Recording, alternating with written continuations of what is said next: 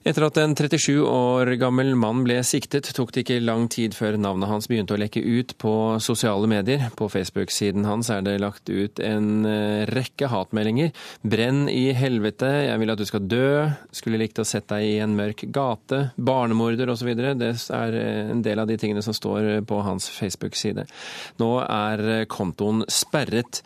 Ida Aalen, eh, medieviter hos eh, Netlife Research. Eh, du holder på med å ferdigstille en lærebok om sosiale medier. Hvorfor skjer dette? Egentlig så tror jeg det er veldig mye av det som alltid har skjedd i møte med sånne saker. Kommentarer om barnemordere, at folk fortjener å brenne i helvete, Det er jo ikke noe som kommer med sosiale medier. Men den store forskjellen med sosiale medier er at det blir synlig for så mange flere, og at veien til personen man har hørt rykter om, er så mye kortere enn før. da. Så noen av de grunnleggende tingene som er der, er egentlig det samme. Menneskene har ikke endret seg? Teknologien forandrer seg litt fortere enn folk. Eh, hvilke mekanismer er det som gjør at navn for eksempel, og identifisering sprer seg på denne måten? Eh, altså sladder og om hvem som har gjort noe osv. har jo alltid spredd seg raskt, men det er jo mye eh, kortere å være på sosiale medier. Men kanskje en ting som er særlig viktig for til eh, de kommentarene som kommer inn, og de grove tingene som ting sier, er jo at eh, hvis du før hadde fått vite om hvem som er mistenkt for noe og har gjort noen ting, og du skulle kontakte en, så må du kanskje få tak i en adresse, skrevet et brev, kjøpt et frimerke, puttet en konvolutt og puttet det i postkassen. Og innen du kommer til postkassen, så har du kanskje roet deg ned og rukket å tenke over hva du gjør da. Mens på en måte på nett så er jo veien fra du får vite noe til du kan si noe til personen, er så veldig mye kortere. Og det gjør at det er lettere å ende opp med å handle i affekt da, enn det det var før. I hvor stor grad stoler vi på det som skrives eller meldes på Twitter eller Facebook? Eh, forskningen tyder på at vi, skriver, vi stoler veldig mye på det, kanskje mer enn vi burde gjøre. Eh, egentlig På samme måte som vi egentlig stoler mer på fotografier enn vi egentlig vet at vi burde gjøre. Idet vi ser et bilde, så føler vi at vi vet at da er det sant, da er det ekte. Selv om vi etter hvert har liksom den teoretiske kunnskapen at bildet kan manipuleres, eller det kan være noe utenfor bildet vi ikke ser. da. Eh, men vi har liksom den vokst opp helt fra vi var små barn at det andre videreforteller deg, det trenger ikke være helt sant. da. Man vil alltid ta det med en klype salt. Sånn, ja, den og den sa det og det. Men idet vi leser det, så får det en annen type troverdighet. Men det vi ikke tenker like mye over, er det at det er noe kontekst da, som forsvinner. Vi vet ikke hvilken situasjon det er blitt skrevet, og hvem det har vært det tiltenkte publikummet er, f.eks. Sjefredaktør i Stavanger Aftenblad Lars Helle. Tidligere så hadde mediene nesten et eneansvar om folk skulle identifiseres og offentliggjøres eller ikke. Eh, er det overraskende at mediene foreløpig lar dette være? Nei, det er ikke overraskende. Eh, det er interessant å følge med dynamikken i denne saken. Eh, og jeg tror òg det er bare et tidsspørsmål før navnet på en eller to av de siktede vil bli offentliggjort i noen medier. Eh, men eh, det som er interessant her, det er at mediene ikke lar seg stresse av det som skjer på sosiale medier. Man følger sine egne retningslinjer og den allerede vedtatte og eksisterende presseetikken i denne saken.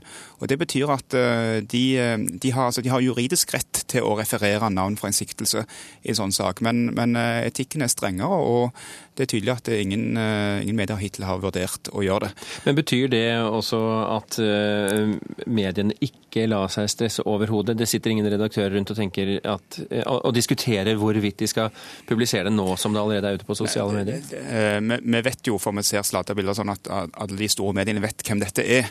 Eh, og det er ikke, det er ikke en konkurranse mellom mediene i, i, dette her, i, dette her, Jeg tror ikke det er om å gjøre å være den første med et navn. Det tror jeg faktisk er det viktigere blant enkeltpersoner på Facebook som ikke har de samme etiske reglene. Avisene har en, en del andre vurderinger om hva tid de går ut med navn på de siktede. Jeg tror at dette er en sak hvor det er et uh, legitimt behov for folk der ute å vite hvem det er som er sikta. Men, uh, men, de store mediene mener nå at uh, det, er ikke, det, er ikke, nok at politiet har sikta de. Det kan endre seg etter fengslingsmøtet i morgen f.eks. Tror du at det sitter redaktører rundt og tenker på at det er veldig nyttig at mediene holder tilbake når man ser det som skjer på sosiale medier nå? Jeg tror i alle fall redaktører tenker at det er greit eh, å vise at de fortsatt er, det er fortsatt opp til hver enkelt redaktør å bestemme når en identifisering skal skje i en så alvorlig sak. Uh, Ida? En viktig ting å ha med seg her er at folk kan si ja, men hva er vitsen med at vi avisene ikke skriver navnet på når alle kan finne ut av det sosiale medier osv. Det er jo den enkle tingen at eh, hvis det skulle vise at denne personen er uskyldig, som er jo det som vi skal ta som utgangspunkt, så vil jo det at de er omtalt i den saken i f.eks. en Dagbladet-sak eller en VG-sak, bety at de ville ha dette som hengende ved seg på Google f.eks.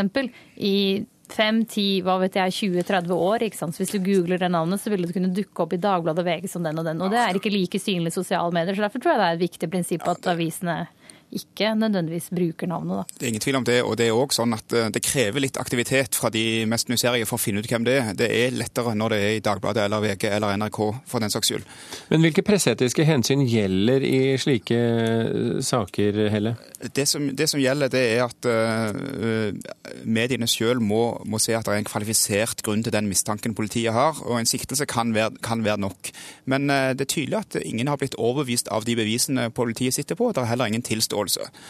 Så er det en del ting ved de personene som sikter som kan avgjøre. Hvis de hadde vært mindreårige, det er det ikke i dette tilfellet, så kunne det bidra til å holde igjen.